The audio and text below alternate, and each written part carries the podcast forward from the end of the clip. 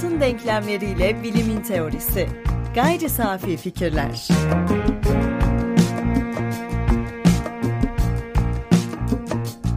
Gayri Safi Fikirlerin 74. bölümünden merhaba. Herkese merhaba. Ben Tansel Erdem Yılmaz. Ben Ömer Faikanlı. Gayri Safi Fikirler'de bu hafta bize ulaşan bir soruyu irdeliyoruz. Hatta ulaşan soruları inceliyoruz fakat bu bölümde bizim yayın planımıza uygun bir soruyla karşılaştık.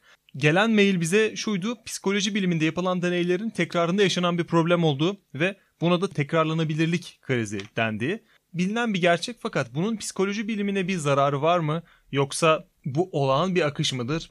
Psikolojide deneyin önem ve tekrarlanabilme sorunundan önce deneye dair sınırları net çizmemiz gerekiyor. Biraz onun üzerine e, konuşalım. Aslında deney sadece laboratuvar önlüğü giyen bilim insanlarına has bir araç değil. Hepimiz belli seviyelerde deney yapıyoruz. Aksi halde hayatımızda hiçbir değişiklik olması mümkün olmazdı. Ayrıca hiçbir şey olmaması da bir seçim sürecinden geçecekti. Bu da aslında bizi başka bir deneye yönlendiriyor. Yani hiçbir şey yapmamak da bir tercih meselesi. Yani bugün şu kitabı okusam demek bile bir deney. Çünkü o kitabı sevmeyebiliriz ya da hayatımızda o kitap yepyeni bir kapı açabilir. Bunu asla bilemeyiz ta ki o deneyi uygulayana kadar o deneyde kitabı okumak. Çok sevdiğimiz bir tatlıdan e, her zaman bir porsiyon yiyoruzdur. E, bugün deriz ki kan şekerimiz bizi manda himayesine aldığı için iki porsiyon yiyelim. Fakat sonrasında yaşayacağımız mide sancısı bu deneyin olumsuz sonuçlandığını gösterir. Bunların hepsi basit deneyler. Herhangi bir şey ölçmek için yapılan çalışmalar deney olarak adlandırılabilse de yani teoriyi gerçek dünya ile karşılaştırmak olarak bunu genelleştirebiliriz. Bilimsel deneylerden bahsettiğimizde daha ince bir çizgide ilerliyoruz. Çünkü bilim herhangi bir varsayımı bilgi klasörüne yerleştirirken eleştirel yaklaşmayı gerektiriyor ve e, net ölçümleri ayrıca tekrarlanabilir ölçümleri gerektiriyor. Yani laboratuvar deneyleri belli başlı değişkenleri denetim altında tutarak izlemeyi amaçlar. Burada amaç bileşkenin tek bir yönlü diğerlerinden yalıtkan hale getirmek ve bir anlamda manipüle etmek. Buradaki manipülasyonu olumsuz anlamda kullanmıyoruz. Böyle bakıldığında deney nötr bir üründen ziyade yönlendirici bir çalışma olarak da görülebilir. Yani oynadığı tek bir takip etme yahut ölçme rolünden ziyade farklı rolleri var. Bu rollerden ilki bilimsel bilgi adına teorileri test etmek. Fizikte ortaya çıkan bir teorik çalışma var. Yine onu fiziksel dünyada kanıtlayabilmemiz gerekiyor. Aksi halde bu teorik çalışmanın e, yeniden gözden geçirilmesi gerekiyor. Bu da ancak deneyle sağlanabiliyor. İkincisi az önce bahsettiğim o ikinci yola kayıyor. Teori deneyde yanılabilir. Bilim insanları bu teoride yanılmışız deyip başka konulara odaklanmıyor. Aksine deneyin yönlendirmesiyle yeni teorinin oluşum süreci başlıyor. Ayrıca sadece yanılmak da değil, e, ikinci bir ihtimal de var. Deneyde her şey doğrulansa bile yeni bir fenomen ortaya çıkabilir. Farklı açılardan insanlara yönlendirecek sonuçlar ortaya çıkabilir. Tüm bunlar kırılımlarla ilerlemeyi teşvik ediyor ama deneyin özü hayatımızda kullandığımız uygulamalarıyla da şu an bahsettiğimiz bilimsel uygulamalarıyla da her zaman sabit. Aslında bir şeyleri test ediyoruz, onların gerçekliğini test ediyoruz ve bu gerçeklikte kendimize pay biçiyoruz. Bilimsel anlamda da gerçeklik üzerinde yol almaya çalışıyoruz. Genel olarak bir tanım verelim ve bu tanımın üzerinden devam etmeye çalışalım. Şimdi deney deyince ne anlıyoruz? Bir fikri, bir kavrayışı, bir hipotezi veya nihayetinde bir teoriyi gerçeklikle karşı karşıya bırakmak ya da gerçeklikle yüzleştirmek diyelim. Tabii burada hemen bir alt problem kendisini gösterecektir. Gerçeklik nedir veya biz gerçeklikle hangi mecralarda, bağlamlarda veya hangi dolayımlarla karşı karşıya kalıyoruz? Aslında deney veya denemek yaşanılan dünyaya geri dönmek bu da temelde beş duyumuzun bize ilettiği dünya. Şimdi bir fikri kavrayışı, hipotezi veya teoriyi denemek diyelim. Zaten aslında Türkçenin kendi içinde de denemek, deneme yanılma yolu deriz. Aslında bu deney buradan da türeyen bir şey. Buradan bir hocamın kulaklarını çınlatayım. Dil ve Tarih Coğrafya Fakültesinden Eyüp Ali Kılıçarslan Hoca şöyle bir şey söylemişti. Tabii ki yabancı dillerdeki yani bize yabancı dillerdeki etimolojik kökenler incelenirse benzer şeyler elbette bulunabilir. Ama en azından Türkçe'de şöyle bir kolaylığımız var. Mesela bilgi, bilim, bilmek, bilim insanı aynı kökten türediği için bunlar arasındaki ilişkiyi hemen fark edebiliyoruz. Aslında deney, deneyim ve denemek arasındaki bağlantı da çok net bizim karşımızda. En azından dil bize bu imkanı sağlıyor. Bu anlamda da denemek diyelim önce. Yani bir teoriyi deneyelim. Ama esas problem buradan sonra başlayacaktır. hayata ve belki de gerçekliğe karşı duruşumuz. Hani sosyal medyada buna ilişkin hayata karşı duruşum diye bazı böyle imajlar, görseller var. Bir kısmı da çok güzel mizah içeriyor içerisinde. Ama hayata karşı veya gerçekliğe karşı duruşumuz deneme karşısında değişiyor mu? Yani bir fikri, bir kavrayışı biraz daha teknik boyutunda yani bilimsel dünyada bir hipotezi veya teoriyi denediğimiz zaman deney sonuçları olumsuzsa teorimizi, hipotezimizi, kavrayışımızı veya fikrimizi değiştiriyor muyuz? Değiştirmeli miyiz? Deney meselesi aslında bu. Tekrarlanabilirlik bir anlamda pekiştirme. Şimdi bir zamanlar hala ilgim var ama çok fazla zaman bulamıyorum. Belki de kalitesi düştü. CSI dizileri bir furyaydı Türkiye'de tüm dünyada olduğu gibi. Adli tıpta da bunun bir karşılığı var biraz sonra anlatacağım şeyin. Ama bu dizilerde gördük. Onlardan öğrendik demeyelim iddialı olur ama şöyle bir durum e, farz edelim. Yani bu bir dizi senaryosunda çok sık olarak işlenir CSI dizilerinde ama adli tıpta da karşılaşılan bir vaka. E, bir suç mahallinde bir cinayet mahalli diyelim eser miktarda doku örneğine rastlanıldı ve bunun katilin doku örneği olduğu varsayılıyor. Ama eser miktar şu çok küçük bir miktar ve her deney laboratuvara girip kimyasal veya da benzeri prosedürlerden geçirdiğiniz her malzeme deneyle beraber bozulur. Şimdi bu eser miktarda e, kan örneğinden veya doku örneğinden DNA testi yapılacak diyelim katilin kimliğini ortaya çıkarabilmek için veya suçlanan kişinin katil olduğunu kanıtlayabilmek için. Laboratuvara giriliyor ve bir deney yapılıyor ve bütün bilinen e, tıbbi veya da biyolojik veya genetik e, imkanlar seferber ediliyor. Sonuç pozitif. Yani ilgili kişinin DNA'sıyla olay yerinde bulunan dokudaki DNA örtüşüyor. Bu bir o kişinin katil olduğuna dair bir kanıt olarak sayılacak diyelim. Amerika'dayız. Dizi Amerika'da geçiyor CSI. Mahkemeye çıkıyoruz. Bilir kişi geliyor. Evet işte şu prosedürlerle bu deneyi yaptık. Genetik olarak bu DNA'lar %99,9 eşleşti dedi. Savunma avukatı söz istedi de ki itiraz ediyorum. Deneyin tekrarlanmasını istiyorum. Çünkü ben başka bir laboratuvarda tekrarlanıp pekiştirilmesini istiyorum dediği zaman iddia makamı şunu söylüyor veya da ilgili bilir kişi. Madde çok azdı, deneyle beraber bozundu, başka madde yok. Bu durumda o kanıt geçersizdir çünkü tekrarlanamadığı için bir deney hatası olabilir, bilim insanının orada ilgili laborantın veya da teknisyenin bir hatası olabilir. Pekiştirilemediği, tekrarlanamadığı için bir kere yapılmış bir deney deneme sayılmaz adli tıp açısından. Tabii ki bizim kanunlarımızdaki duruma bakmak lazım. Buradan orası için bir ahkam kesmeyelim. O dersin hocası değiliz. Ama bir tamamen bir dizideki farazi durumdan bahsettim. Tekrarlanabilir olmayan bir deneyde teorimizi, hipotemiz, hipotezimizi, kavrayışımızı, fikrimizi değiştiriyor muyuz olumsuz sonuçta? Değiştirmeli miyiz? Ya da tersten düşünelim. Bu deney bizim fikrimizi, kavrayışımızı, hipotezimizi veya teorimizi doğruluyorsa tek bir deney veya deneme ve tekrarı olmayacaksa teorimizi, hipotezimizi doğru kılar mı? Hipotezimizi teoriye yükseltir mi? Ya da ikinci bir ihtimal daha açalım. Tekrarlanabilir olsa bile deneylere ne kadar güveniyoruz ve hayata veya gerçekliğe bakış açımızı ne kadar değiştirebiliyor. Adli tıp ve deneyler arasındaki bu bağlantıyı ben günümüzdeki çok pahalı deneyler için yorumladım. Yani milyar dolarlık bir deney yapılacak ve bunu yapabilmek için çok kısıtlı kaynak var ve bunu en iyi ihtimalle bir 10 yıl sonra ikinci kez yapabiliriz. Böyle, bu tip deneyler yaşanıyor. Hemen şöyle bir ama örnek söyleyeyim sana.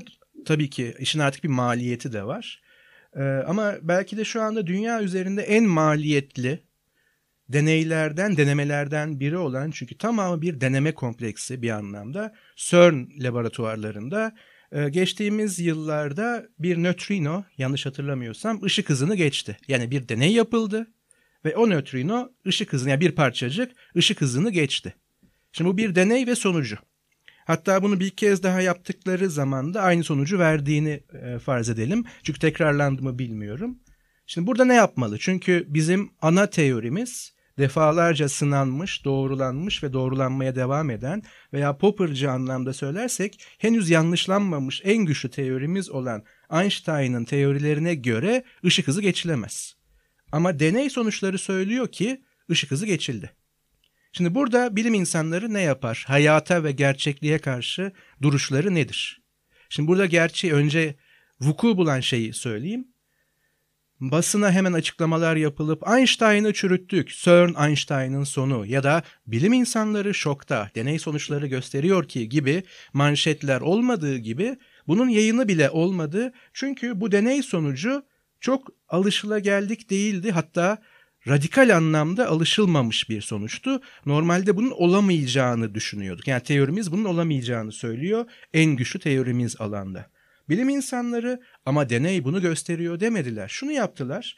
Benzer bir deneyin tekrarlanabileceği Japonya ve Amerika'daki hızlandırıcılarla, oradaki bilim insanlarıyla yani deney ortamlarıyla bağlantıya geçip tüm verilerini paylaştılar ve şunu söylediler. Normalde olmaması gereken böyle bir sonuç elde ettik bu denemede. Siz de aynı deneyi tekrarlayıp sonucu bizimle paylaşın çünkü bu çok önemli bir dönüm noktası olabilir her anlamda. Yapılan deneyler şunu gösterdi eş zamanlı olarak ve farklı zamanlarda, farklı coğrafyalarda, farklı deneme alanlarında yani Japonya ve Amerika'daki hızlandırıcılarda CERN'de o deney yapılırken kullanılan alet edevatta bir kalibrasyon hatası var. Yani ölçüm hatası var. Dolayısıyla diğer deneyler orijinal deneyin hatasını ortaya çıkarmak üzere kullanıldı ve şunu söyledik. Teori hala sağlam, yapılan deney hatalıydı. Şimdi deminki örneğe buradan bağlayacağım. Deney farklı yerlerde tekrarlanabilir olduğu için deneme hatası, deney hatası ortaya çıkarılabildi ve biz şöyle bir tırnak içinde rezillikten kurtulduk. Einstein yanılıyormuş deyip rezil olmaktan kurtulduk. Ama tekrarlanamaz deneylerde durum ne olacak? Biraz sonra tekrar konuşacağız zaten. Yani bir deneyin tekrarlanabilip tekrarlanamaması sanıyorum ki modern bir problem. Ee, modern bilimde bu tip bir kaygımız var. Çünkü o teorileri kullanıyoruz. Hatta çoğun hayata da tahvil ediyoruz. Yani herhangi bir deney yapıldıktan sonra o insanların hayatını etkiliyor. Ben şöyle düşünmüştüm. Örneğin uzay görevi yapılmamış bir gezegene ulaşmak için ortalama 5 yıl hazırlık yapılacak. Fakat e, o hazırlıkta ufak bir formülasyon hatası yapacağımız deneyin yani o yolculuğun akıbetini değiştireceği için 5 yıl daha beklememiz gerekecek. Yani o deney tekrarlanabildiğinde bugünün formülleriyle yapılmamış olacak. Bugünün denklemleriyle yapılmamış olacak. Yani hem pahalı deneyler hem çok uzun süre alan deneyler de bu tekrarlanabilirlik probleminin içerisine dahil oluyor gibi geliyor bana. Çok daha günlük hayattan bir örnek vereyim. Çünkü temelde bu tümden gelim tüme varım probleminden de çok bağımsız değil. Tümden gelimle nasıl bir problemimiz var? Tümden geldiğimiz genel önermenin dogmatik bir yapıda olma ihtimalini eleyemiyoruz. Tüme varımda da şöyle bir problemimiz var. Sınırlı sayıda denemenin bütün hakkında konuşmamız için yeterli temeli sağlayıp sağlamadığını bilmiyoruz. Biraz sonra örnekleyeceğim. Ama şöyle diyelim benim bir fikrim veya bir kavrayışım var. Demin hatırlarsan e, çerçeveyi çok geniş tutmuştum. Bir fikrin, kavrayışın, hipotezin veya teorinin gerçeklikle karşı karşıya bırakılması. Benim fikrim veya kavrayışım nereden edindiğim önemli değil. Şunu söylüyor. Ben de bir mensup olduğum için kendi üzerime alacağım sadece. Bütün dil tarihliler, dil ve tarih coğrafya fakültesi mensupları, öğrencisi, öğretim üyesi hepsi dahil yalancıdır. Böyle bir fikrim var. Şimdi ben bu fikri nasıl gerçeklikle yüzleştiririm? Şimdi sen Dil ve Tarih Coğrafya Fakültesinin bir ana bilim dalında doktora yapıyorsun. Dolayısıyla sen bir dil tarihlisin. Sana derim ki bir şey sorarım ve senin yalan söylediğini tespit ederim. Ve derim ki işte biliyordum zaten. Bütün dil tarihliler yalancıdır. Oysa bütün dil tarihliler derken oldukça çok sayıda insandan bahsediyorum. Hatta zaman mekan göndermesi yapmadığıma göre şimdiye kadar dil tarihte öğrenci veya öğretim üyesi veya onun mensubu olmuşlar. Şu anki mensupları ve gelecekteki tüm dil tarihleri kapsayan bir kavrayışım ve fikrim var ve sadece bir örnek üzerinden yani senin üzerinden hepsi yalancıdır diyorum. Orada ufak bir homojenlik yanılgısı var sanırım. O kapıdan içeri girenler bu illa dil tarihi üzerinde değil herhangi bir konu üzerinde bir örnekleme alıp onu genele yaymak sanki o kabın içerisine giren herkesin benzer biçimde şekil değiştirdiğini düşünmekle ilgili. Bu daha çok toplumsal yargılarla ilgili. İşte yalancıdır, o şöyledir, böyledir de. Sanki o kabın içine giren herkes onun şeklini alıyormuş. Şeklini alan birini gördüğümüzde de görüldüğü gibi işte deneyim olumlu sonuçlandı teorim artık kanuna dönüştü. Zaten öyle bilirsin müthiş bir şey vardır. Hemen düzeltiyorum. Teoriler kanunları açıklar. O yüzden teori kanuna e, dönüşmez ama o çok önemli değil şu an bizim için. Sen şunu söyleyeyim dediğin doğru kabın şeklini alma diyebiliriz. Bu aslında ucundan biraz safsata da sayılabilir ama esas olarak bir tümevarım sorunu. Yani tek bir örnekten bir bütüne ulaşma, tek bir örnekten bütün hakkında konuşmaya sıçrama. Ama kaç örnek yeterli olacak? Kısmı bir fikrin, hipotezin veya kavrayışın oluşma süreciyle ilgili. Ama deneme o fikrin, kavrayışın, hipotezin sınanmasıyla ilgili genel olarak. Şimdi o yüzden bu fikrin nereden geldiği önemli değil dedim. Yani pek çok ben dil tarihli gördüm ve yalancıydılar. O yüzden bu fikir oluştu diyebiliriz. Yani ön yargılarımız da böyle oluşuyor. Tüme varımsal olarak oluşuyor belki de. Hatta o kadarıyla bile oluşmayanlar daha kötü durumda ama böyle olduğunu varsayalım. Ama ben bunu nasıl sınayacağım? Bir dil tarihli bulacağım ve yalancı mı değil mi diye bakacağım. Ama o bir dil tarihlinin yalancı olması, bunu bir deneme olarak düşünürsek veya geniş anlamıyla bir deney olarak düşünürsek, fikrimin doğruluğu için yeterli bir kanıt mı? Yani deneme aslında kanıt olarak neyi kabul edeceğimizle de ilgili ve bu denemeye içkin değil. Yani bir örnek mi kanıt olarak kabul edilecek, yüz örnek mi, bin örnek mi? Şimdi hatırlayacağınız üzere epistemoloji serimizde ve daha nice konuşmamızda Karl Popper'ı bu yüzden öne çıkarmıştık. O diyor ki olumlu örneğin denemede hiçbir anlamı yoktur. Çünkü senle karşılaştım ve yalancısın. Tabii burada sana bir e, yükleme yapıyorum ama ben de olabilirim hiç önemli değil. Bütün dil tarihliler yalancıdır gibi bir kavrayışı evet doğruluyor. Eğer yalancıysan, somut olarak bunu tespit ediyorsam yaşamın içinde ama bir diğer dil tarihliye değilse ne olacak? Çünkü bütün dil tarihliler diyorum. O halde denemede veya deneyde aykırı örnek daha çok şey öğretir. Çünkü tam tersinden eğer senin yalancı ol bir dil tarihli olmana rağmen yalancı olmadığını deneyerek ortaya çıkarırsam bütün dil tarihliler yalancıdır kavrayışımın yanlış olduğunu bilirim. Çünkü en az bir tane aykırı örneği var. Bu belki de tekrarlanamasa bile tek bir deneyin vurucu olmasını sağlayabilir yanlışlama üzerinden gidersek. Ama yine de bu tekrarlanamazlık bir deney hatası olup olmadığını ortaya çıkarmak açısından çok da bize yardımcı olmadı. Yani belki sen hala yalancısın ben sana doğru soruları sormadım veya sen beni hala kandırabiliyorsun. Çünkü en iyi yalancılar yalancı olduğunu ortaya çıkaramadığımız kişilerdir aslında. Çünkü birine yalancı diyorsan zaten yalan ortaya çıkmıştır.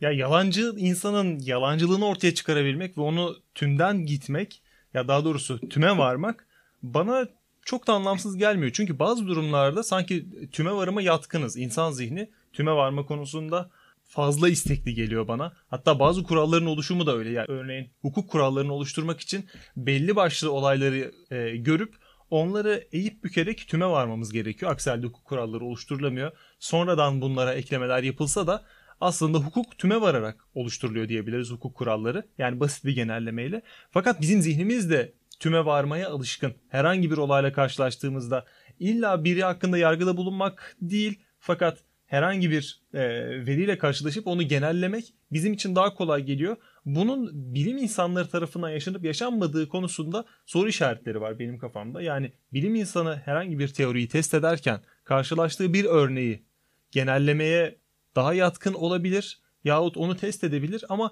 sanki kendi teorisini destekleyen öneri bilim insanı için daha kıymetli olacak ve onu da destekleyebilir gibi geliyor. İşte bu başta söylediğim hayata karşı duruşumuz veya gerçekliğe karşı duruşumuz. Yani biri meslekten bilim insanı diye illaki popırcı biçimde her yanlışlamada teorim yanlışmış deyip bir köşeye bırakmaz ve elbette ki psikolojik yatkınlık veya beklenti olarak teorisinin doğru çıkmasını umar ve bekler. Dolayısıyla doğrulayıcı deneyler veya deneyimler onun için daha kıymetli olabilir birey olarak. Ama bilimin genel ilerleyişine ve işleyişine baktığımızda yanlışlayıcı örnekler daha ağır basıyor. Buna doğrulanabilirlikle yanlışlanabilirlik arasındaki asimetri diyebiliriz. Yani bir milyon tane doğrulama örneğindense bir tane yanlışlayıcı örnek daha kıymetlidir öğrenmek, bilmek, gerçeklikle buluşmak bağlamında ama bilim insanının davranış kalıbını bu garanti altına almaz. Çünkü kötü bilim insanları veya yetersiz bilim insanları da olabilir. Tabii bir derece meselesidir. Ama biz yine tartışmayı deneme ve deneyde tutalım. Yani bilim insanların ne yaptığından veya ne yapması gerektiğinden ziyade bir deneme fikrimizi veya kavrayışımızı değiştirmek için yeterli midir? Ve her aykırı örnekte fikrimizi değiştirmeli miyiz sorusuna odaklanalım. Bunu hem bilimi düşünerek hem günlük yaşamı düşünerek e, zihnimize tartmaya çalışalım. Artı tekrarlanamıyorsa ne yapacağız? Bunu düşünelim. Çünkü doğrulayıcı da olsa, yanlışlayıcı da olsa o deney bize bir şey söyleyecek veya o deneme ve tekrarı olmayacak. Peki karar anında biz rasyonel olabilmek için ne yapmalıyız? Bunu düşünmeye çalışalım. Bir deney bizim e, sahip olduğumuz fikri değiştirmeye yeter mi bunu bilmiyorum fakat sahip olduğumuz fikri pekiştirmeye yetebileceğini düşünüyorum. Çünkü iyi bilim insanı kötü bilim insanı ayrımını yapabilmek şu an benim elimde olan bir araçla mümkün değil ama ne kadar iyi bir bilim insanından bahsediyor olursak olalım test ettiği teori olumlu bir şekilde yanıtlandığında yaptığı deneyle onu kabul etmek isteyecektir. Çünkü yani ortaya attığı teori kendisinin teorisi ve onu doğrulamak için aslında çalışıyor. Her ne kadar e, eleştirel düşünceye sahip olsa da o yüzden ben belli başlı örneklerin teorimizi ve daha doğrusu tüme varımımızı destekleyeceği kanaatindeyim. Orada hemen şöyle bir ekleme yapabilirim. Ee, bunun belki ölçü, ölçütü şudur. İlgili araştırmacı eğer verileri ve deneyi tahrif etmiyorsa, bozmuyorsa, yönlendirmiyorsa ister doğrulasın ister yanlış, yanlışlasın o verileri sunma biçimi meşrudur. Yani kendi teorisini doğruluyor diye aa kendi teorisine çalışıyor demin de bir anlamı yoktur elbette. Kriter budur. Veriyi veya da karşılaştığı şeyi tahrif etmemesidir. Sadece bu aklıma geliyor şu anda. Ama hemen şöyle bir şey söyleyeyim. Tabii ki deney dediğimiz şey çok böyle modern bilim, modern bilimsel devrim sonrası dönemin kavramı, terimiymiş gibi koksa da aslında gerçeklikle ilişkimizin her alanında bir deneme. Dolayısıyla çeşitli ölçekler ve düzeylerde deneyler düşünce tarihinde ve bilim tarihinde var. Zaten bu deneyleri sanıyorum ki insanlık tarihi kadar geçmişe götürebiliriz. İnsanlar e, herhangi bir aksiyon almaya başladığı andan itibaren farkında olmadan deneyler yapıyorlar fakat bizim bugün bilimsel deney dediğimiz kapsamlı çerçeve içerisine dahil edebileceğimiz deneyler de var. Benim karşılaştığım hatta Popular Science dergisinin Kasım ayı sayısında karşılaştığım bir örnek var. Hatta bu sayıda 10 tane örnek var ve 10 kıymetli örneği incelemiş dergi. O örneklerden biri benim ilgimi çekti. Bu deney bundan tam 5000 yıl önce yapılmış. Bugün bile benim merak ettiğim bir sorudur. Yani aslında herkesin merak ettiği ama bilimsel veriyle karşılaştığı anda bu merakını geride bıraktığı sorulardan biridir. Dünyamız ne kadar büyük sorusu. Eratosthenes de bu soruyu soruyor dünyanın çevresini ee, hesaplamak onu için. Onu bir kontrol etsene 5000 yıl olduğunu emin miyiz? Doğru 3. yüzyıl. Evet yani 5000 yıl bayağı bir geriye gibi geldi. Yanlış bir şey söylemiş olmayalım. 2000 yıl buradan 300 de oradan 2300 2400 yılda anlaşalım. Tamamdır. 2300 yıl önce yapılan bir deney dünyamızın ne kadar büyük olduğuna e, merak ederek ortaya çıkıyor.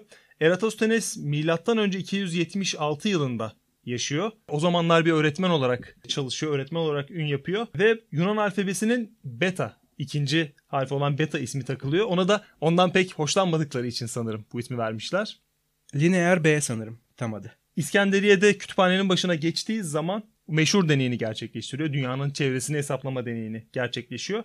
Günümüzde Azvan olan bölgedeki kuyunun metini duyuyor ve bu kuyuya kuzey yarımküredeki yaz gün dönümü günü öğlen güneşinin dik olarak düştüğü ve hiç gölge oluşturmadığı söylediği söylendiği bilgisini not ediyor ve Eratosthenes İskenderiye'de bir direğin gölgesini ölçüyor. Ardından güneş ışınlarının buraya 7.2 derece ile düştüğünü tespit ediyor. Ee, bunu da 360 derecelik bir çemberin 50'de biri olarak hayal edebiliriz. Tüm eğitimli Yunanlılar gibi dünyanın yuvarlak olduğunu biliyor. Burada hemen bir tekrarlamanı isteyeceğim. Bütün eğitimli Yunanlıların gibi dünyanın yuvarlak olduğunu biliyor. Tanık sizinleri başka sorum yok. O zaman yuvarlak diyorlar ama biz bugün geoid diyoruz fakat yine de düz olmadığını biliyorlar. Ee, belki de o dönemde onlar kandırılmış olabilir. Çok büyük bir komplonun parçaları değil mi onlar? Bundan 2500 yıl önce bu komplo başlamış diye düşünüyorum. Hatta Eratosthenes de bu komplonun başlangıcını gösteriyordur. Ona beta denmesinin sebebi de budur. Yani bu nefret aslında haklı bir nefrettir diye açıklamalar gelecektir. Ben de o komploya birazcık körüklemiş olayım. Kendisi tüm eğitimli Yunanlar gibi dünyanın yuvarlak olduğunu biliyor ve herkesin bildiği gibi diyelim. İki şehir arasındaki mesafeyi bilirse bu uzaklığı 50 ile çarparak az önce e, dünyanın 50'de birini ölçtüğü için 360 derecenin 50'de biri. Evet. Yani aslında yaptığı şey şu güneş ışığının oluşturduğu gölgenin açısını ölçüyor ve küresel bir dünya üzerinde aynı açıyla yani güneş aynı noktadayken iki farklı bölgedeki açıyı ölçebilirse bunu 360 ile tamamlayıp dünyanın çevresini ölçebilecekti. Yani 50 ile çarparak bunu ölçmeyi düşünüyor ve dünya yüzeyinin eğriliğini hesaplamaya çalışıyor. Ee, buradan yola çıkarak dünyanın çapını bulmaya çalışıyor. Onun hesaplarına göre dünyanın çevresi 250 bin stat çıkıyor. Stat da Yunanlılar tarafından kullanılan ve yaklaşık 180 metreye denk gelen bir uzunluk ölçüsü. Sonuç olarak yaptığı hesap yaklaşık 40.072 kilometre civarı ediyor. Yani tam anlamıyla doğru. Neredeyse dünyanın çapını neredeyse tam anlamıyla doğru olarak ölçebilen bir deney ve dolayısıyla dünya yuvarlaktır. Yani bir daire, bir çember e, şeklindedir ekvator dediğinde bunu doğrulayan bir deneyden de öte bir şey daha yapmış oluyor. Bize yeni bir veri veriyor. Çünkü dünya yuvarlaktır demenin içerisinde dünyanın çevresinin kaç kilometre veya kaç stadyum olduğu bilgisi yok. Bu deney aynı zamanda bize onu öğretiyor. Yani hem dünyanın yuvarlaklığını kanıtlıyor hem de kanıtlıyor derken böyle kanıt olarak kabul ediliyor bu deney hem de bize çevrenin kilometre veya stadyum cinsinden ölçüsünü veriyor ki bu milattan hikaye milattan önce 300'lerde 240'larda geçiyor 2500 yıl önce. 2500 yıl sonra halen dünyanın düzlüğü, geometriği tartışılıyor ama benim ilgimi çeken burada 2500 yıl önce böyle basit bir deneyle böyle karmaşık bir bilgiye ulaşılabilmiş. Yani bu akıl yürütme kullanılarak buna ulaşılabilmiş. Burada da deneyin temel prensiplerinden oluşmaya başladığını düşünebiliriz. Daha öncesinde temel deneyler yapılmış mıdır bunu bilmiyorum ama dünyanın bir çember olduğunu düşünüp onu 360 derecelik bir çember olarak hayal edip onun 7,2 derecelik kısmını ölçtükten sonra onu genele yorabileceği düşünmek e, sanıyorum ki müthiş bir matematik e, zekası gerektiriyor. Bugün ben e, şu an bildiğim matematik bilgisi, şu an bildiğim integral türev bilgisi, çember bilgisi ve bildiğim ileri matematik bilgisiyle bu deneyi oluşturamıyorum. Sanıyorum ki bir şeyleri bilmekten ziyade tıpkı düz dünya e, teorisini ortaya atanların çevrelerinde binlerce kanıt olmasına rağmen bunu reddetmesi gibi ben de bu teorileri biliyor olmama rağmen bu bilgiyi kendi başıma ortaya çıkaramıyorum. Şimdi bunu iki açıdan ele alabiliriz. E, ikinciden başlayalım aslında düz dünya savunucularının veya bu fikri kavrayışı öne sürenlerin temel problemi veya bunlarınla anlaşabilmenin, konuşabilmenin rasyonel temelde temeli şu. Belki Popper'cı bir yerden yine bakacağım. Hangi karşıt örneği getirirsem veya ne yaparsam deneme babında, deney babında fikrinden vazgeçeceksin. O fikrin yanlış olduğunu kabul ederek. Şimdi bu soruya bir cevap vermedikleri sürece aslında rasyonel temelde konuşmuyorsun. Yani deney ve deneme bu kadar aslında hayati bir öneme sahip. Hangi deneyi veya deneyimi veya denemeyi sana getirirsem fikrinin yanlış olduğunu kabul ederek bundan vazgeçeceksine cevap verebilmek. Yani deneme veya deney veya deneyim bizim fikirlerimiz, kavrayışlarımız, hipotezlerimiz veya teorilerimizi doğru yanlış değer skalasında nasıl değerlendireceğimizi belirliyor. Dolayısıyla buraya bir atıfı veya da vurgusu var. İlkine gelirse 2'den 1'e dönüyorum çünkü. Biz bugün dünyanın çevresini hadi ölçelim desek yani Google'lamadan veya da bir yere sormadan yani bir otoriteye başvurmadan kendimiz nasıl yaparız desek aslında belki de ulaşırız eğitimli insanlar olarak ama tabii ki o kadar kolay değil. O yüzden fikirlerimizi, kavrayışlarımızı, hipotezlerimizi, teorilerimizi gerçeklikle nasıl karşılaştırırız sorusu en teknik, en rafine bilimsel seviyesinden günlük fikirlerimize, günlük yaşamımızı idame ettirdiğimiz ön yargılarımıza kadar hepsini kapsayan bir şey. Yani deney sadece bilime özgü değil, deneme üzerinden hepsine genellenebilir. Bugünümüzde bir bilgi eksikliğinden ziyade fikirlerimizi nasıl gerçeklikle karşılaştırırız, ölçeriz, sınarız sorusunu pek düşünmediğimizden dolayı aklımıza gelmiyor. Bu da gerçek dünyadan izole olmakla ilgili sanırım. Yani deneyler dış dünyanın etkilerinden ve diğer etkilerden izole ortamda yapılan aktiviteler Eratosthenes de dış dünyadan ve bugünün ekstra bilgilerinden bir anlamda izole olduğu için temel soruna odaklanabilmiş. O da aslında bir deney ortamında kendince yaşıyor ve onu vazgeçirecek, onu bu fikrinden uzaklaştıracak herhangi bir etken olmadığı için de izole bir biçimde buna e, odaklanabilmiş.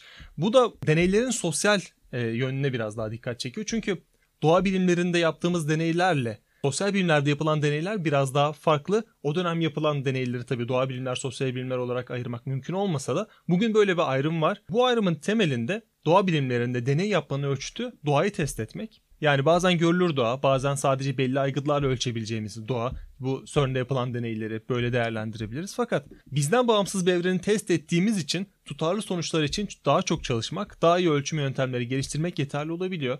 Burada CERN'de yapılan yani gözle göremediğimiz hatta belli aygıtlar olmadan hissedemediğimiz maddeler için yapacağımız deneylerde sence bizden bağımsız bir evreni doğayı mı test ediyoruz Yoksa burada farkında olmadan yaptığımız bir insan yönlendirmesi var mı? Şimdi bu soruda bir yanlış kurgulama var. Çünkü bence hiçbir önemi yok.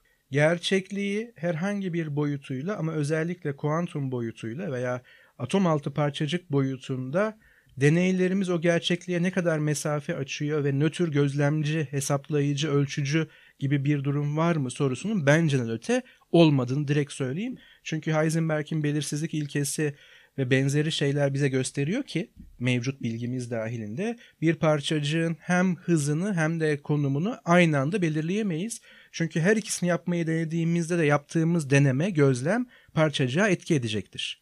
Çok küçüklerden bahsettiğimiz için.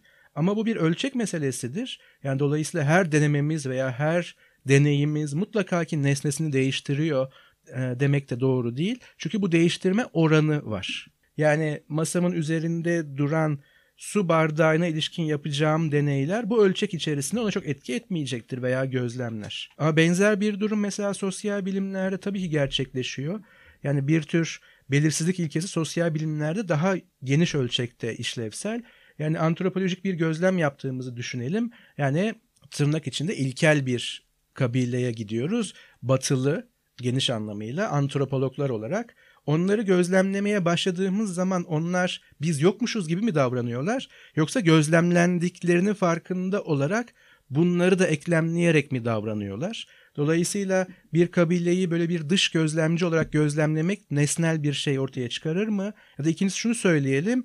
Dışarıdan gözlemleyerek tamamen dışında kalarak, kalarak bir kabilenin sosyal örgütlenme biçimini veya da durumlarını ortaya çıkarabilir miyiz yoksa onlardan biri gibi mi olmalıyız? Yani içeriden gözlem mi yapmalıyız gibi sosyal bilimlerde ölçeği daha geniş deneme problemleri elbette var. Ama bu sosyal bilimlerde deney imkansızdır değil. Belki kontrollü deney imkansıza yakındır diyebiliriz. Ama deneme dediğimizde bunun muadilleri var. Çünkü başlangıç noktamı tekrar hatırlatıyorum. Bir fikri, kavrayışı, hipotezi ve teoriyi gerçeklikle karşı karşıya bırakmak.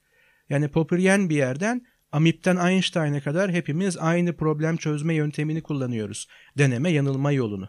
Yani sosyal bilimler deniyor ve yanılıyor veya deneyebiliyor ve yanılabiliyor. Ama biz bundan bir kimya deneyi gibi set içerisinde, laboratuvar içerisinde bekliyorsak bu yanlış bir beklenti ve bir kategori hatası. Tüm yaşamımızda deniyoruz. Ama yanıldığımız zaman ne yapıyoruz? Soru bu. Tam da senin bahsettiğin gibi o sence bence ayrımı doğa bilimlerinde bir karşılığı yok. E, oraya vurgu yapmak istemiştim ben de ama sosyal bilimlerde deney biraz kaygan bir zemine geçiş yapıyor. Senin bahsettiğin o ilkel kabileye gittiğimizde kimin ilkel kimin gelişmiş olduğuna karar veren o ayraç bile yapacağımız deneyi yönlendiriyor. Yani orada attığımız her adım, kurduğumuz her düşünce seti yapılacak deneyi etkiliyor ve orada bizim incelemeye çalıştığımız yönetim stratejileri yahut oradaki e, aile yapısı, kabile yapısı bile bizim tanımladığımız şeyler. Yani orada herhangi bir yapı olmayabilir. Oradaki her şey bilinçsiz olarak gelişiyor olabilir ve kimsenin bundan haberi olmayabilir. Şöyle bir soru ortaya çıkar burada. İçerisinde yaşayan kişilerin farkında olmadığı, kabul etmediği bir yapı siz var dediğiniz için var olabilir mi? Ama var dediğimiz için ortaya çıkmıyor. Elbette ki içi boş teorik terimler, gerçeklikte karşılığı olmayan teorik, teorik değil mi? Hipotetik ilişki biçimleri olabilir. Zaten gerçekte karşı çıkmadığı zaman yanlışlandı diyoruz. Ama buradaki sorun şu o kabilenin farkında olmadığı aralarında ilişkiler olabilir ve bunu bir antropolog tabii ki test edebilir. Yani onların farkındalığı benim meselem değil. Onların farkındalığı ikinci bir mesele olabilir. Yani aralarındaki bir iktidar ilişkisi vardır. İktidar ilişkisinin ne olduğunu ben tanımlıyorumdur ama bu ilişki reel olarak karşımdadır. Yani bunu ortaya çıkarabiliyorumdur ama o kabile bunu bir iktidar ilişkisi olarak görmüyordur. Yani şöyle bir örnek vereyim. Hiç kabileye gitmeye gerek yok. Hemen hemen bütün eğitim kurumlarımızda, klasik eğitim kurumlarımızda öğreticinin, öğretmenin veya hocanın konumu hep yukarıdadır. Yani bir kürsü üstündedir. Hatta o kürsü yükseltilmiştir. Şimdi burada görünür bir iktidar ilişkisi var mı? Hayır yok. Çünkü bir öğrenci hatta bir hoca, öğretmen şunu düşünecektir. Sınıfın en arkasındaki de veya amfinin en arkasındaki de beni görebilsin diye ben yüksekteyim. Sesim daha rahat ulaşabilsin diye ben yüksekteyim. Oysa buraya bir sosyolog veya da bir teorisyen şöyle diyecektir.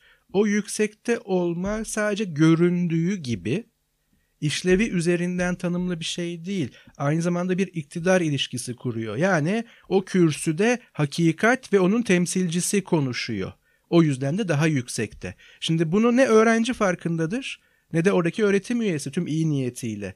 Ama böyle bir durum var mıdır? Yani öğretim üyesiyle veya da öğretmenle öğrenci arasındaki mekansal farklılaşma aslında bir iktidar ilişkisini de içermektedir. Onlar bunun farkında olsun veya olmasın.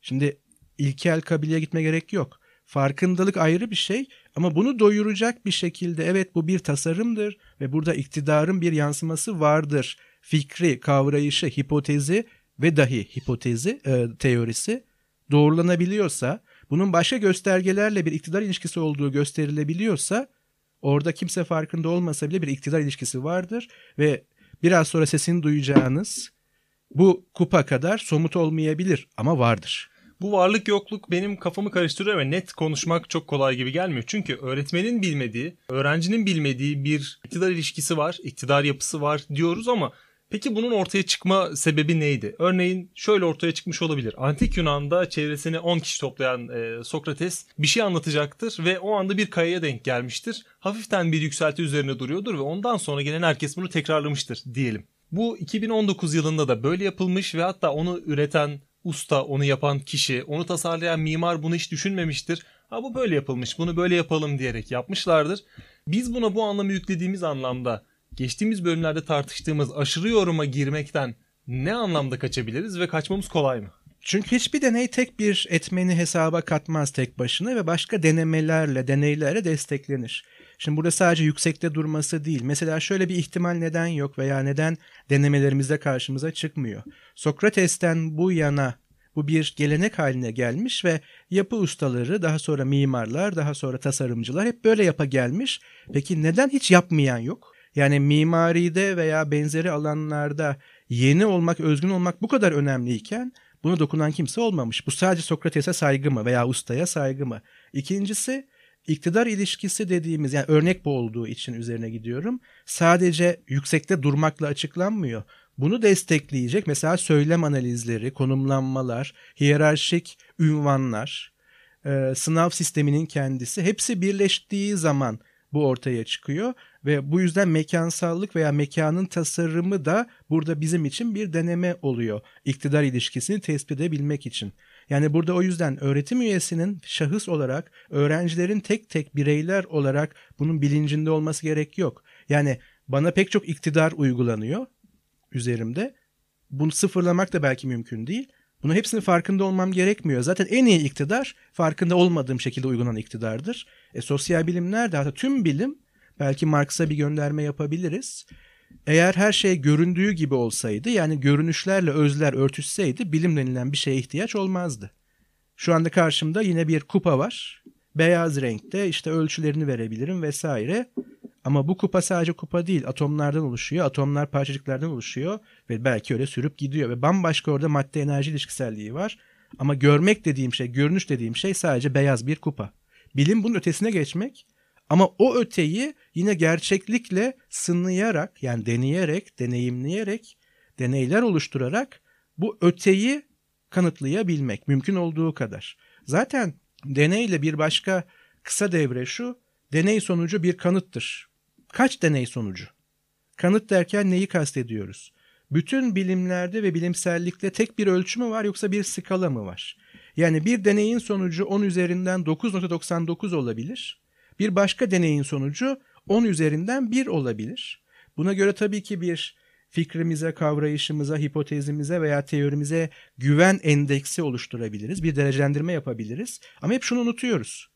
Her deney 9.9 olmak zorunda değil. Bir de fena değildir çünkü sıfırdan büyüktür. Bilim dışı, bilimsellik dışı olan sıfırdır. Yani hangi deney veya deneyim olursa olsun fikrimden vazgeçmem noktası sıfır noktasıdır. Çünkü deneyin bir anlamı yok. Ya da bu deney bana hiçbir şey göstermiyor ama fikrimi doğrulanmış kabul ediyorum. Deney sıfır ama fikrimi doğruluyor. Nasıl olacak? Mesele aslında en büyük mesele 1 ile 0 arasındaki farktır. 1 ile 9.9 arasındaki fark değil. O bir derece farkıdır çünkü. Doğa bilimleri 9'lardadır. Sosyal bilimler 2'de, 3'te, 4'tedir. Bu tabii ki ölçülemez ama 2, 3, 4 deneme yapılamıyor, deney yapılamıyor anlamına gelmez. Birden 2'den büyüktür çünkü. 3, 4, 5 veya diğer dereceler. Burada ufak bir sosyal bilimler deneyini yontarak onun sadece basit tümevarından ibaret olmadığını göstermiş olduk. Hiç de farkında olmadan. Çünkü senin öne, öne sürdüğün e, o deney tezi benim tarafımdan herhangi bir e, yorumla karşılaştı ve sen onun farklı yönleriyle e, ilgilenilmesi gerektiğini söylemiştin. Sosyal bilimlerin genelinde yaşanan bir problem çünkü en basitinden bir dostuna şu an mutlu musun dediğinde aldığın yanıt evet olsa bile onun bakışlarından bir şeylerin ters gittiğini anlayabiliyoruz. Ve sosyal bilimlerdeki deneyin zorluğu şu basit örnekle bile ortaya çıkabiliyor. Hal böyleyken sosyal bilimlerin güvenli bir yol bulması gerekiyor. Yüzlerce teorinin hiçbir şey açıklayamadığı durumda bence bir sorun yok. Yani bilim mutlaka teorilerle ilerlemelidir ya sosyal bilimler mutlaka teorilere yaslanmalıdır gibi bir zorunluluğumuz yok. Eğer açıklayamıyorsa yapabileceğimiz bir şey yok. Fakat bazı hayati sorunları çözüm üretmek gerekiyor. Örneğin ekonomik karar mekanizmaları inceleniyor ve insan davranışlarının çeşitli defoları göz önüne alınıyor ve ortalama bir insan tanımı yapılıyor. Bu bazı durumlarda sekebiliyor, bazı durumlarda uymayabiliyor. Fakat herkes gelir düzeyinde harcama yapmaz. Fakat gelir arttığında çoğunluk daha fazla harcamaya meyillidir diyerek bir ekonomi teorisi ortaya çıkıyor. Bu tip geniş hipotezler yaratıp onu yavaş yavaş derinleştiriyoruz. Aynısı psikolojide de benzer. E, hatta bulunması gereken çözümler daha mühim. Yani teorimiz yok. E, yüzlerce teori var. Hatta yüzlerce e, yarışan teori var. Yapacak bir şey yok. Böyle devam edeceğiz denmiyor. Çünkü psikolojik rahatsızlıkların tedavisi ve insan zihninin keşfedilmesi açısından belli standartların ortaya atılması gerekiyor. Belli problemlerin çözülmesi için. Burada da dinleyicimizin soruyu, sorusu devreye giriyor. Tekrarlanabilirlik krizi. Ekonomi belli mali denklemlerle bu soruna yanıt getirmeye çalışıyor ama psikoloji için odaktaki insandan uzaklaşmak çok kolay değil. 2010 yılından yana e, dinleyicimizin bize sorduğu soru aslında e, yaşıyor. Yüzlerce farklı çalışmanın tekrarlarını gerçekleştiren bilim insanları bunların çok az bir kısmının yeniden kopyalanabileceğini ortaya çıkardılar. Buna da bu farkındalık durumuna da tekrarlanabilirlik krizi adı verildi. Bu bir proje olarak Virginia Üniversitesi'nde e, yapılıyor. Hatta ismi de tekrarlanabilirlik projesi. Yani neden psikolojide bu durum ortaya çıkıyor ve bu durumun önüne geçmek mümkün mü sorusu ortaya çıkıyor.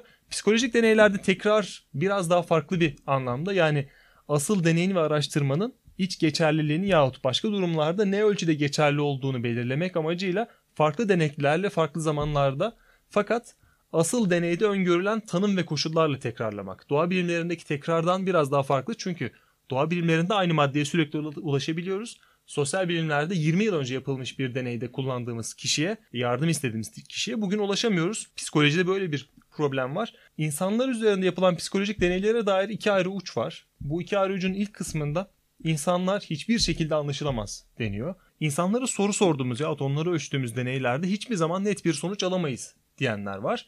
Böylece hiçbir psikolojik deney de sonucu ulaşamaz. Tekrarlanabilirlik krizi de yoktur denir. Ama işte yine bir e, tanım problemi veya ölçüt problemiyle baş başa kalıyoruz. Net bir sonuç derken neyi kastediyoruz? Yani doğa bilimlerini model alıp bir e, fizik laboratuvarındaki %99,9'luk tekrarlanabilirlik oranındaki deneyi neden baz alıyoruz? Yani netlik illa 9.9 veya da 1 ile 0 arasında 1 olmak zorunda değil. Sıfırdan büyük olsun ama tabii derecesini teslim etmek lazım. Deminki örnekte olduğu gibi 10 üzerinden 1 derecesinde bir deney yapıyorsam bu benim fikrim, kavrayışım, hipotezim veya teorim için gevşek de olsa bir kanıttır. Gevşektir ama. 2 ise daha iyidir, 3 ise daha da iyidir, 4 daha iyidir, 5 daha iyidir. Yani böyle bir skalaya yayılmak yerine sosyal bilimler gerçekliği bilemez. Neden? Çünkü sosyal bilimlerin konusu bildiğimiz evrenin en komplike yapısı veya yapıları.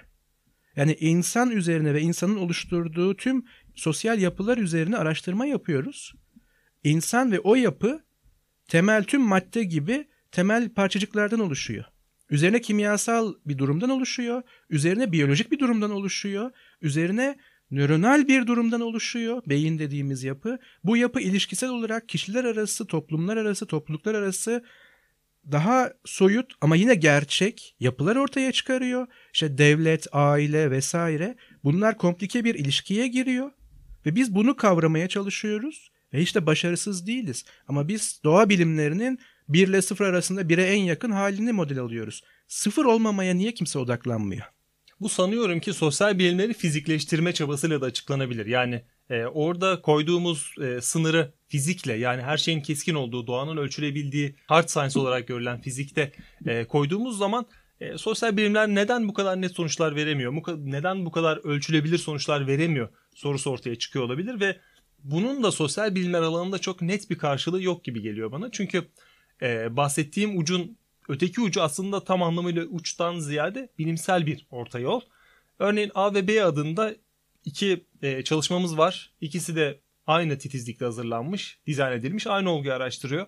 Ee, özdeş deneyleri gerçekleştirirsek bile farklı sonuçlara ulaşabiliriz. Burada az önce bahsettiğim uç bu ikisini de kabul edemeyiz. Ortada herhangi bir gerçeklik yoktur. Sosyal bilimleri hemen şu yakındaki çöpe atınız diyebilir ama A araştırmasıyla beklenen sonuçlara ulaşıp B araştırmasıyla tam ters sonuçlara ulaşabilmemizi araştırdığımız olgunun bir yanılgı olmasından ziyade çalışmalar doğru bir şekilde dizayn edilmişse A araştırması belli koşullar altında işliyor diyebiliriz. Bu sosyal bilimlerde o 1 ile 2 arasında olma yahut 0-1-0-9 arasında olmanın tam karşılığı gibi geliyor bana. Yani araştırmacının görevi yeni ve daha iyi bir hipotez oluşturabilmek için elindeki deneyleri ve e, ulaştığı sonuçları net bir şekilde değerlendirebilmeli ve onu kullanabilmeli. Tekrarlanabilirlik krizine dair meşhur deneyler var. İstersen bunları haftaya geçelim. Evet yani konu çok derinleşti ama çok da keyifli bir hal aldı. Şimdi çok da yormayalım birbirimizi ve dinleyenleri. Haftaya deneyden ve deneyimden ve denemekten ve tekrarlanabilirlikten devam edelim. Bir sonraki bölümde görüşmek üzere bizi YouTube'da Gayri Safi Fikirler adıyla takip edebilirsiniz. Ekşi Sözlük'te bizi yorumlayabilirsiniz. Eleştirilerinizi getirebilirsiniz. Gayri Safi Fikirler gmail.com üzerinden bizlere ulaşabilirsiniz. Tüm sorularınızı ve önerilerinizi bekliyoruz. Bir sonraki bölümde görüşmek üzere. Kendinize iyi bakın. Görüşmek üzere. Hayatın denklemleriyle bilimin teorisi. Gayri Safi Fikirler.